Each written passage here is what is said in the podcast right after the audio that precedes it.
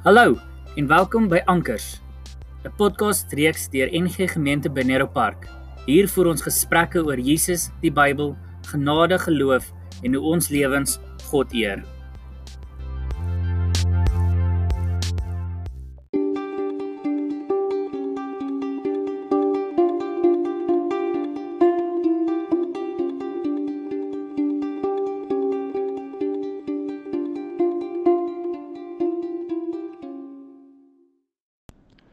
Goeiemôre. Ons is vandag op die 26ste Junie, Vrydag die 26ste. Tannie Babs, ons glo die operasie gister met die katarakverwydering het goed gegaan en ons wens dan nie sommer 'n goeie en 'n vinnige herstel toe. Ons lees vir oggend begin ons by 2 Timoteus. Dit is die laaste brief wat Paulus geskryf het. Hy het 1 Timoteus geskryf en toe Titus en toe 2 Timoteus. So ons lees die laaste brief wat hy geskryf het in hierdie ene dan ook aan Timoteus. Ons weet nou al dat Timoteus was een van Paulus se gunsteling mense, is amper soos 'n broer vir hom gewees of soos 'n jong kind, 'n jong seun en hy het moeite gedoen met Timoteus. En ons kan duidelik agterkom uit die manier waarop hy geskryf het dat hy 'n goeie verhouding met hom gehad het. Uh, dat dit iemand was wat naby aan Paulus was al was hulle dikwels ver uitmekaar uit. So hy begin sy tweede brief wat hy ook sê hierdie brief kom van Paulus, 'n apostel van Christus Jesus, deur die wil van God uitgestuur om ander te gaan vertel van die lewe wat hy beloof het deur geloof in Christus Jesus. Ek skryf aan Timoteus, my geliefde kind, mag God ons Vader en Jesus Christus ons Here aan jou onverdiende goedheid en ontferming en vrede gee. Dis 'n pragtige groet waarmee hy vir Timoteus groet. Wat my nogal opval is die eerste is die eerste vers van hierdie laaste brief van Paulus wat sê hierdie brief kom van Paulus, 'n apostel van Christus Jesus, deur die wil van God uitgestuur om ander te gaan vertel van die lewe wat hy beloof het deur geloof in Christus Jesus. Daardie is Paulus se opdrag, maar dit kon net sowel ons opdrag gewees het. Ons elke een het uiteindelik hierdie selfde opdrag. Ons is uitgestuur om ander te gaan vertel van die lewe wat hy beloof het deur geloof in Christus Jesus. Daar's 'n mooi sê ding van Sint Franciscus wat gesê het 'n mens moet die hele tyd oor God praat en as dit nodig is moet jy woorde gebruik.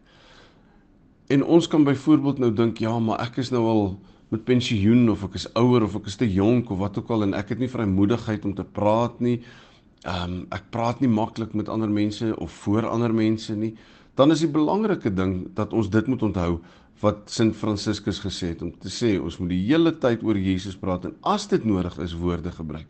So ons hoef nie altyd woorde te gebruik nie. Paulus het ons afgelope tyd agtergekom maak baie van voorbeeld gebruik dat die manier waarop ons optree vir mense sal sê maar ek praat nou oor Jesus Christus, ek praat oor God. Net die manier waarop ons lewe.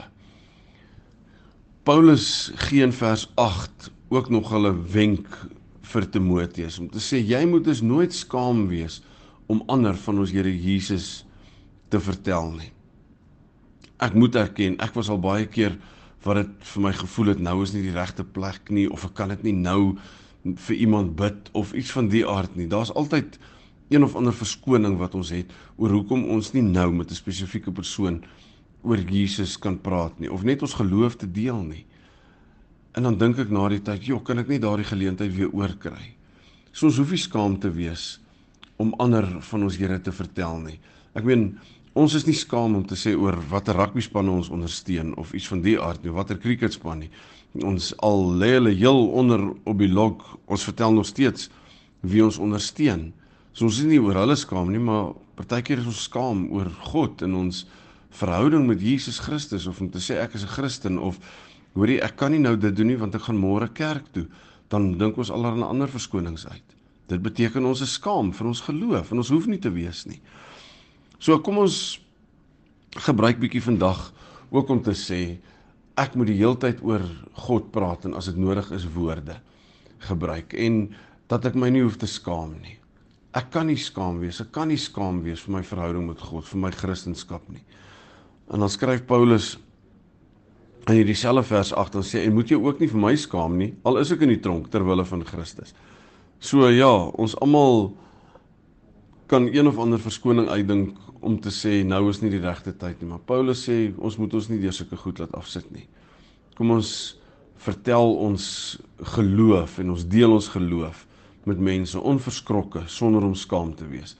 Maak nie saak waar ons is nie. En een van die dinge wat ons nogal uitdaag is as ons aan 'n ander geselskap is en ons in ons eet, bid ons voordat ons eet of gaan ons maar net stil ongemaklik aan.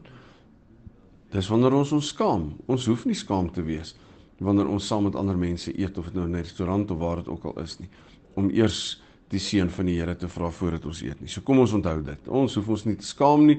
En ons almal is geroep, net soos Paulus, net soos Timoteus om te gaan vertel oor die geloof en die lewe van Jesus Christus.